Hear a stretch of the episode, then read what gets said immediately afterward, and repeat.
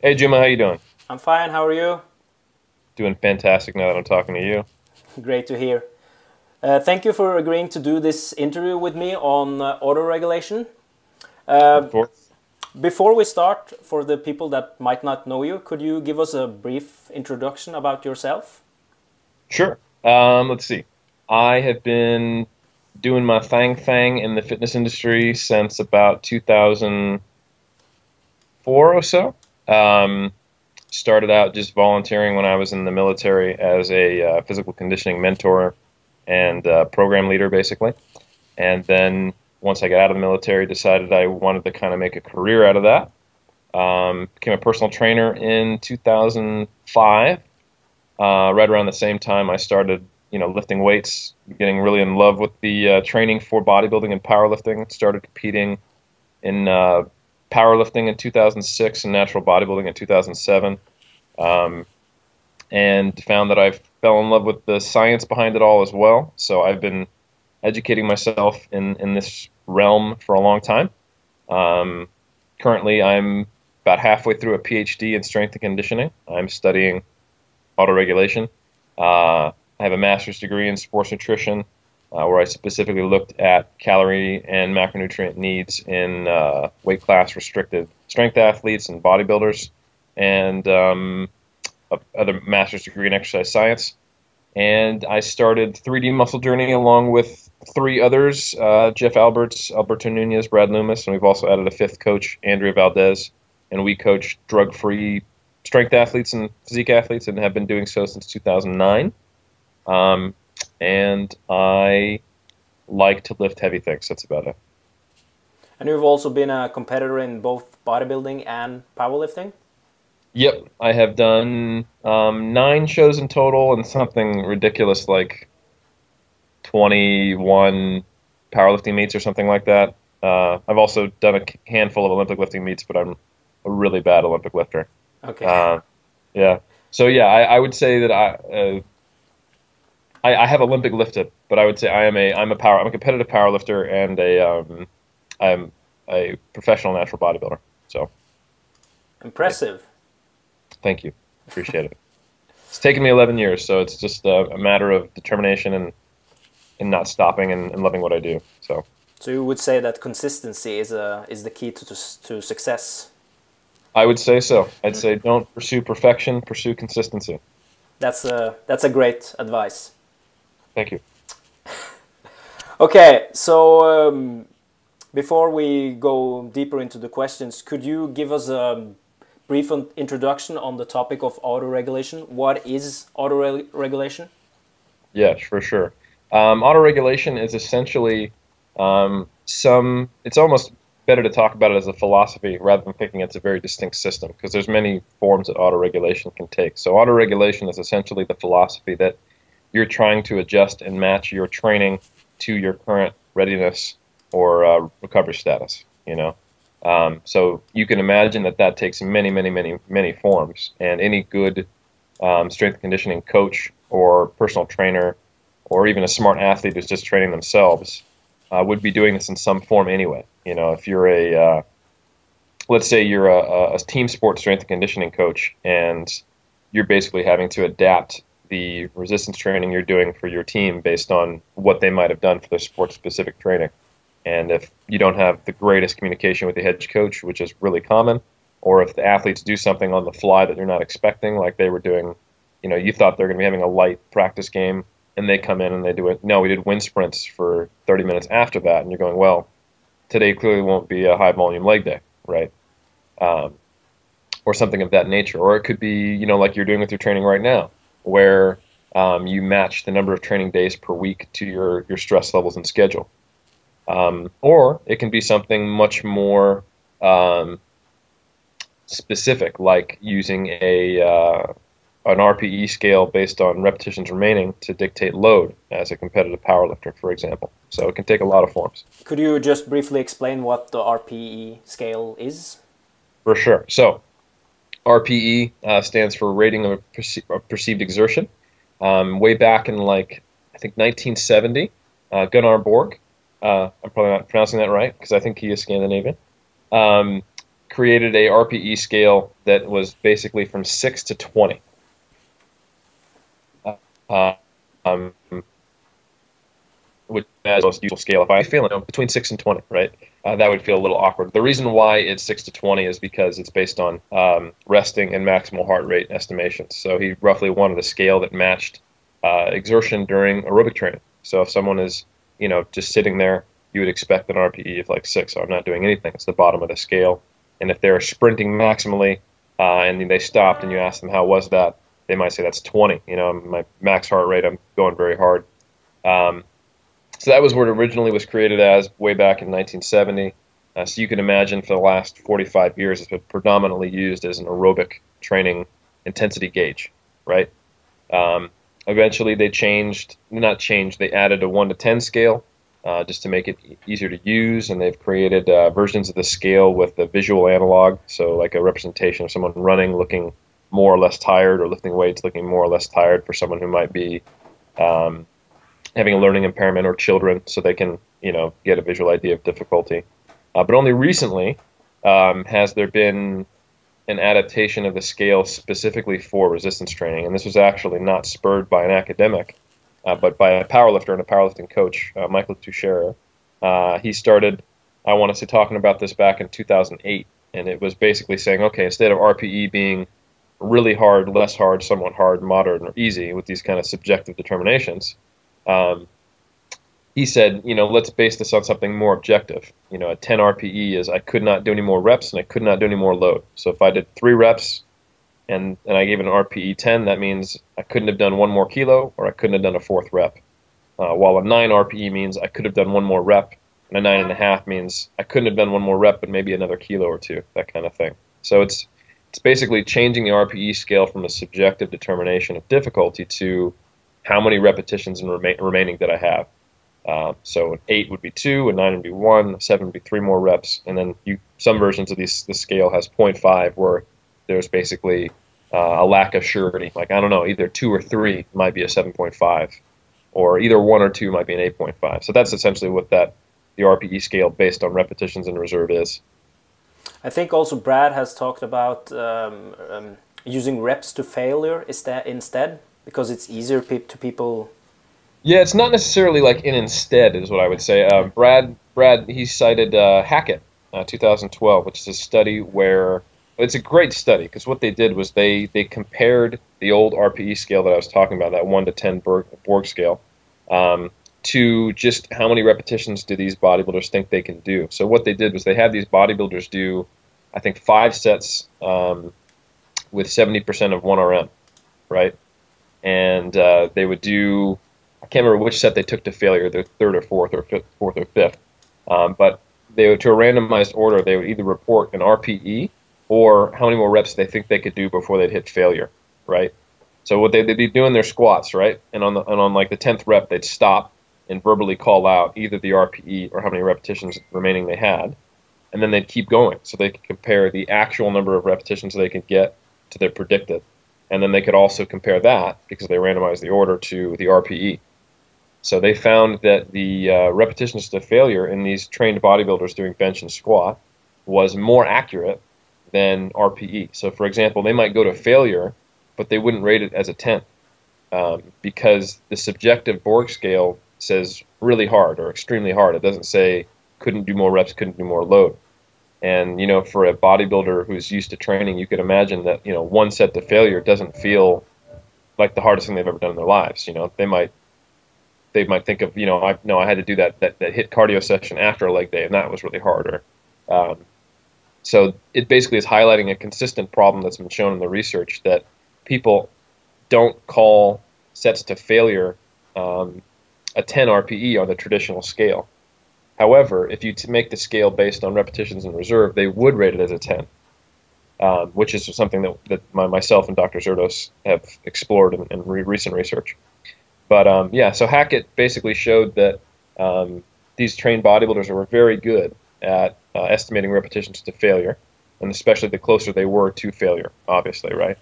Um, like if they stopped and they called it out and they had to do 10 more reps, they might be off by a fair amount. If they stopped and they thought, I can only do one more, and they did the one more, then they failed after that, then they were really accurate. So you can tell the, the harder it is, the closer to failure, how close you are. Um, now, the reason why I think there's value in having a scale, an RPE scale that isn't just based on how many reps do I have left, um, is because for a few reasons. You can have an uncertain number. It, it, allows uncertainty. Instead of saying instead of saying I have to have two or have to have three left, you could say seven and a half if you're not sure. Uh, additionally, because of that issue where the further away from failure you get, you're not as accurate. You probably shouldn't have uh, the ability to say, "Oh, 10 reps left." Because honestly, people don't know if they have 10 reps left. They might know if they have one, two, three, maybe four reps left. But if they've got you know more than that, they should probably provide some uncertainty. So, for example, the RPE scale uh, that Zourdos and I uh, validated and are still working with to, for, for a lot of research projects, um, once you get down below an RPE 7, there's uncertainty. So, for example, an RPE 5 to 6 means that there is 4 to 6 repetitions remaining. Then, then we go back to the old Borg scale. So, like an RPE 3 to 4 is light effort, while an RPE 1 to 2 is little to no effort. Because if I told you to take, say, 50% of your one rep max and do two reps, you wouldn't be able to tell me how many more reps you could do. Some people will be able to do 10 more, some people will be able to do 20 more. It just depends on how good their muscular endurance is, right? And what kind of experience they have with training and what type of training they do. So, um, in that case, it's probably better to say, yeah, that was light effort. And if you were just doing like your bar for the warm ups, you know, you did five reps at the bar before you went to, you know, 60 kg or something like that, that would be little to no effort. So it's a blended scale because of the the because that study by Hackett showed us that you have RPE uh, or sorry more reps than than than a few to failure. Um, now that said, most of the time a bodybuilder or a powerlifter is going to be training within maybe one to four reps of failure most of the time. But that doesn't mean that there would never be a place for um, using those lower values. You know, for example, if you're training for for power, you know, power is force times velocity, right? So if someone is training on a more velocity dominant uh, power session, like for for example, let's say they're doing like you know ballistic bench throws, you know, they're not going to go anywhere near failure. It should be a light enough load. They're trying to just move the bar as quickly as possible. So you can use the scale to say, hey, as soon as I can actually tell how many repetitions I have left, I'm probably going too slow. It's getting too heavy, or I'm trying to do too many reps. So you might want to keep the RPE at like a four or lower on like power work, for example. Or if you're trying to gauge to make sure your warm ups aren't too heavy, you could say, I want to keep my warm ups a five or lower, that type of thing. So, um, so yeah, uh, I think you know whether you're working with uh, just saying how many repetitions in reserve you have, or if you actually have an RPE scale, those are probably both much more valuable methods than a traditional one to ten or six to twenty RPE scale that was you know validated using aerobic exercise. Um, that original scale can work for resistance training, but there are those issues when you go to failure uh, that you're not going to represent an actual maximal load with a maximal RPE. Um, and I would say probably a better use of the traditional RPE is, is to get something that I call, or not that I call, that is called uh, session RPE. So if you're doing uh, basically, if you're a team sport athlete and you're trying to get, sorry, a team sport strength conditioning coach and you're trying to get a, a total amount of stress that the athlete went under, you'd say, okay, we had a 60 minute session, and then you know, after a 10 minute cool down, they rated that whole session as a seven. So you multiply 60 by seven, and you get an, an arbitrary number of like load or stress, and then you can kind of monitor over time how that goes. So there's a lot of different ways to use RPE, but I'd say if you're specifically just doing resistance training, if you're a bodybuilder or a powerlifter, it probably the best usage that we have right now is is something based on repetitions in reserve or how many reps to failure you have. Next question, Eric. Uh, as you mentioned, you're currently doing your PhD on autoregulation, and you've probably read a lot of the research on autoregulation. So, huh? so, yeah. so what? Um, if you could just give us a brief answer to it, uh, what does the the research actually show on autoregulation? Right. So it's um, it's tough to be really really distinct with this answer because, like I said, autoregulation can take so many forms. But there have been a handful of studies out there where some type of autoregulated model was used. Whether that was, hey, based on how you feel today, I want you to choose one of these three workouts, or hey, um, we're going to have a specific increase in load or decrease in load based on your performance on that day. Um, and they found that comparing that to a more like a strict program, or you know, Monday is always this, or you know, we always try to increase load this amount, produced better strength gains. So that that that's that's one interesting uh, finding is that there seems to be when you have a structured model where you embed autoregulation into it, whereby it may allow you to progress at a, at a faster rate, which makes sense because you're trying to match the stress to your, your readiness. Okay, great. Um, if someone is new to auto, auto regulation, how would you incorporate it in in a workout? An easy yeah, way so, to do. Yeah, I, I, you know my my specialty in the area that I'm specifically researching for my PhD is the utilization of that RPE scale that's based on repetitions in reserve. So that's where I'm most qualified to answer that question. Um, so the thing about uh, RPE is not only is it easier to track when you're nearer to failure, but you know Hackett was a study on trained bodybuilders, right? Um, so what Dr. Zourdos and his lab and what I collaborated on, we did a study where we had people doing squats, um, going up to, to a 1RM and then also doing a back offset 70% for uh, eight reps, and then rating an RPE there. And we what we had was we had a, a group of novices and a group of pretty well trained lifters. Um, so we're talking about on average with a group of men and women, uh, two times body weight uh, squat in this group, and then just slightly over body weight squat in this group. So some pretty pretty variable levels of experience, you know and on average, I think five years of resistance training experience, and on average, maybe six months. So there's a big difference when you're trying to use these RPE scales when you don't have resistance training experience. When you've been lifting weights a long time and you have years of training logs behind you and you've tried multiple different ways of training, including training to failure and maxing out, um, you're going to be much more accurate at gauging how many repetitions remaining you have. Um, and when you are a novice, that's not going to be the case. And that was the main finding we, we, we had in our study was that uh, there is a significant difference between the ability to rate RPE as a novice versus an experienced lifter. So when you're in, if you're new, uh, whether it's new to lifting or new to using the RPE scale, uh, my advice is don't try to use it to program load, right? Use it to track, just just like kind of like kind of like part of your workout log.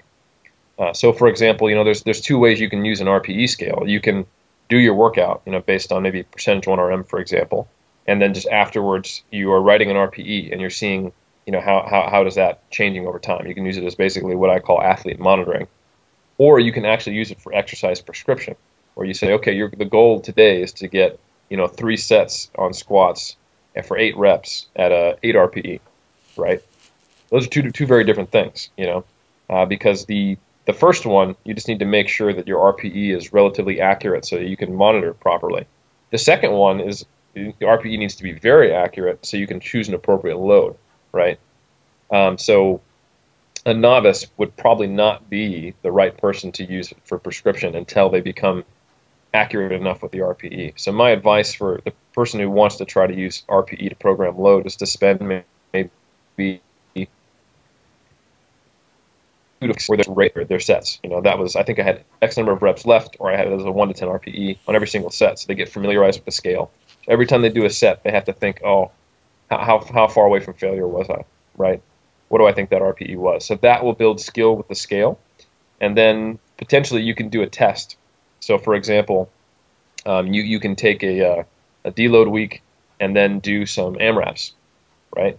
So you might do say you take 85% of your, your 1RM on, on, let's say, bench press, and you do three to four reps. So it should be short of failure, you know, because at most of 85% after deload should be like your five rep max. So let's say you do your three reps with 85% and you go, that was a seven RPE, I should be able to do six. Take your five minute rest and then you do it. There shouldn't be too much fatigue. So then you can actually tell how your performance compares to your RPE rating. So if that person bangs out another three reps and they get six total, wow, that's a really good RPE rating. They're they're on point. You know, if they get one rep and hit failure or six, they know they're not quite ready to use it for prescription. So they're they're uh, you should be able to basically test after getting familiarization, and once you've confirmed, you know, I'm I'm pretty accurate. You know, I'm within 0.5 RPE of, of what it actually should be. That's when you can actually use it for prescription and potentially get a, uh, benefit from you know matching it up more nicely. Because if you're if you're on like a training training program that, that's pushing you pretty hard and you're overreaching at times, um, there may be times when that 85% of 1RM only allows three reps. But if you just use the, the textbook version of you know repetitions allowed at certain percentages of 1RM, uh, you might go, oh, that should always allow you know five reps. You know, and if you come in and try to do five and you hit failure on your fourth rep, that can be a it's you're missing volume and hitting failure when you're not intending to, uh, and b it can be psychologically stressful, especially for a strength athlete who's always focused on that kind of progressive overload uh, to, to, to, to miss reps. However, if they go, they have an understanding from using the scale that you know my strength performance varies. So long as if I back up far enough, I can see that it's varying but going up. I don't have to worry about those dips. You know, okay, no worries. I'm going to do five reps at eight RPE, even if it's a lower weight than it was last week. So long as six weeks from now, I'm lifting heavier in general. So basically, what you're saying is that you should get familiarized with with the RPE scale for yourself before you try to incorporate uh, auto regulation in your workout routines. Definitely, yeah. Before you actually use the RPE to prescribe load and to dictate how much how much weight you're lifting, you should simply use it as a monitoring tool to familiarize yourself with it. And who would you say would get more advantages to use the auto regulation? Would you like you talked about that both beginners, novice, and advanced people can use it, but would you say that the more advanced you are, the more beneficial it might be to use auto regulation? Yeah, I I would say that, that it makes more sense for an intermediate or, or advanced person to try to use RPE um, because that's when you get to the point where you you have to overreach to, to progress a little more. Um, that's when your your performance might be a little more variable. Um, with a novice, you know, if, if you're following any kind of reasonable training program on a week to week or even workout to workout basis, you can make these linear increases in load and not even be near failure, and you'll progress. You know, so if you've been in the gym, you know, a year or longer, and you're training for strength uh, or, or hypertrophy, I, I think it can definitely be a more appropriate tool than, than someone who's just started. But I would say that a novice, just to track RPE, not to use it to, uh, you know, prescribe load, that would be a good thing to build awareness. If they always have, they're always thinking in terms of, okay, I know the absolute intensity on the bar, I know the the intensity of load, but I need to think of what is the intensity of effort. You know, how far from failure was I? Uh, that builds in them a, a better awareness of what their capabilities are and how they're changing. So, still has value. So um, Olga, that's 50 years old and works out two times a week, she doesn't need to auto-regulate her workouts? No, see the thing is, is I think we're using auto-regulate a little broadly right now when I'm, I'm basically just talking about RPE, and that's just one form of auto-regulation. You know, if you want to use like a, the flexible nonlinear periodization model, which is basically where you come in and you decide, you know, how how ready do I feel? Should I be doing a um, you know a light, moderate, or hard workout? that might be very appropriate for Olga. You know, if Olga has a very stressful job, or if Olga has, you know, six kids, and uh, you know she comes in on Monday and she's meant to do a very hard workout, but she said, "Oh, I'm just I'm just wrecked," and her personal trainer goes, "Well, that's okay. We'll just swap your workout days." That is auto regulation, right? So, um, so I think that is something that can be used at all levels, and same thing with a uh, like a structured progression model. You know, where you know if if, if we're going to do an AMRAP every at the end of every week with our, our one, one, one or two main lifts. And we go, okay, we're using 85%. If I get, you know, three reps or less, I need to decrease load next week. If I get, you know, four to six, we're going to keep it the same. If I get seven or more, we're going to increase it. Those are things that are that can be used at all levels. But when we're talking about the RPE scale, I think that is something that, that it takes skill to use. You know, there needs to be some familiarization. Okay, Thank you so much, Eric, uh, for this brief uh, discussion on auto-regulation. Uh, I understand that you have uh, two books uh, coming out on both uh, training and also nutrition. Could you just mention a bit about them? Yeah, totally. So I um, back in 2013, if you follow me on the on the YouTubes, um, our channel Team 3DMJ, I made a six-part series called the, Nutritional the Muscle and Strength Nutritional Pyramid, which was basically a way to organize priorities and uh, to give kind of a t- tutorial on how to set up a nutrition plan, whether your goal is to put on muscle, lose fat, or whether you're a bodybuilder, powerlifter, or recreational trainee. Um, and uh, it, it, was, I think, not to blow my own horn, but it, you know, so often in our industry we just give out information without context, like you know, ten foods to 10, 10 superfoods, or is your pre-workout nutrition, you know, holding back your gains or something like that. And, and, you know, may not, but it doesn't necessarily explain to you its level of importance. Like let's say someone did write an accurate peri-workout nutrition article. If you, you followed that to a T, but you hadn't actually thought about what your calorie intake should be or your macronutrient intake over the whole day or following a diet that you can actually adhere to, whether or not you have protein pre or post workout really doesn't matter. You know, that's not going to help you get to your goals until you focused on, you know, step one, two, and three. So basically, I, that that was what that, that that video series was about.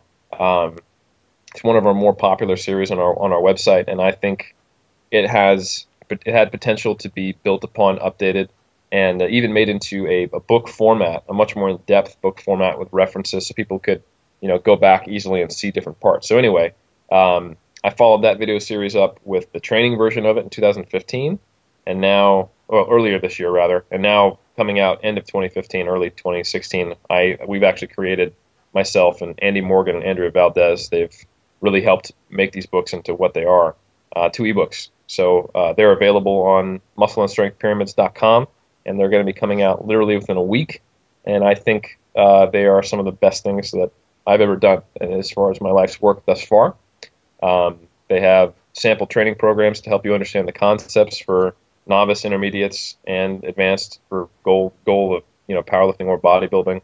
Um, there's you know a calculator that you get access to if you do the nutrition book, uh, where you can set up a nutrition plan based on your goals and experience level and and body fat percentage, all, all those types of things. And uh, yeah, we're giving away sample chapters right now if you go to that website and sign up. So I'm excited. Sounds like a good deal. I think so. Yeah, you think so. Yeah. Also, I've also heard some totally unbiased. Yeah. totally unbiased. Yeah. Also heard some rumors that you have some cool pictures in there. I do. Yes, we uh, we've updated the the cart before the horse image, which is kind of the the, the tag image from the original series. That's you know the, a saying that means that you're you're focusing on minutia before you actually get the big picture down. So we asked a bunch of uh, people on Facebook to try to draw in a very short period, give just a few minutes, uh, to draw a someone in, in a cart that's in front of a horse. And we had something like, you know, 10, 15 entries. And we actually had some really good pictures and then some very hilarious ones. So we, we, we, we had a guy, Gavin, who won the actual uh, the award, drew, drew the picture. And then we had maybe, I think, 10 different ones made into a collage that we put on the second page. They're pretty funny. So I think you should have chosen Spencer Nadolsky's picture, actually. It was good. Well hydrated horse. Yeah. well hydrated horse. Okay, Eric, thank you so much for your time, and hopefully we can speak again and do a, another video on a different topic when you have the time. I look forward to it. Yeah. Thank you Very so well. much.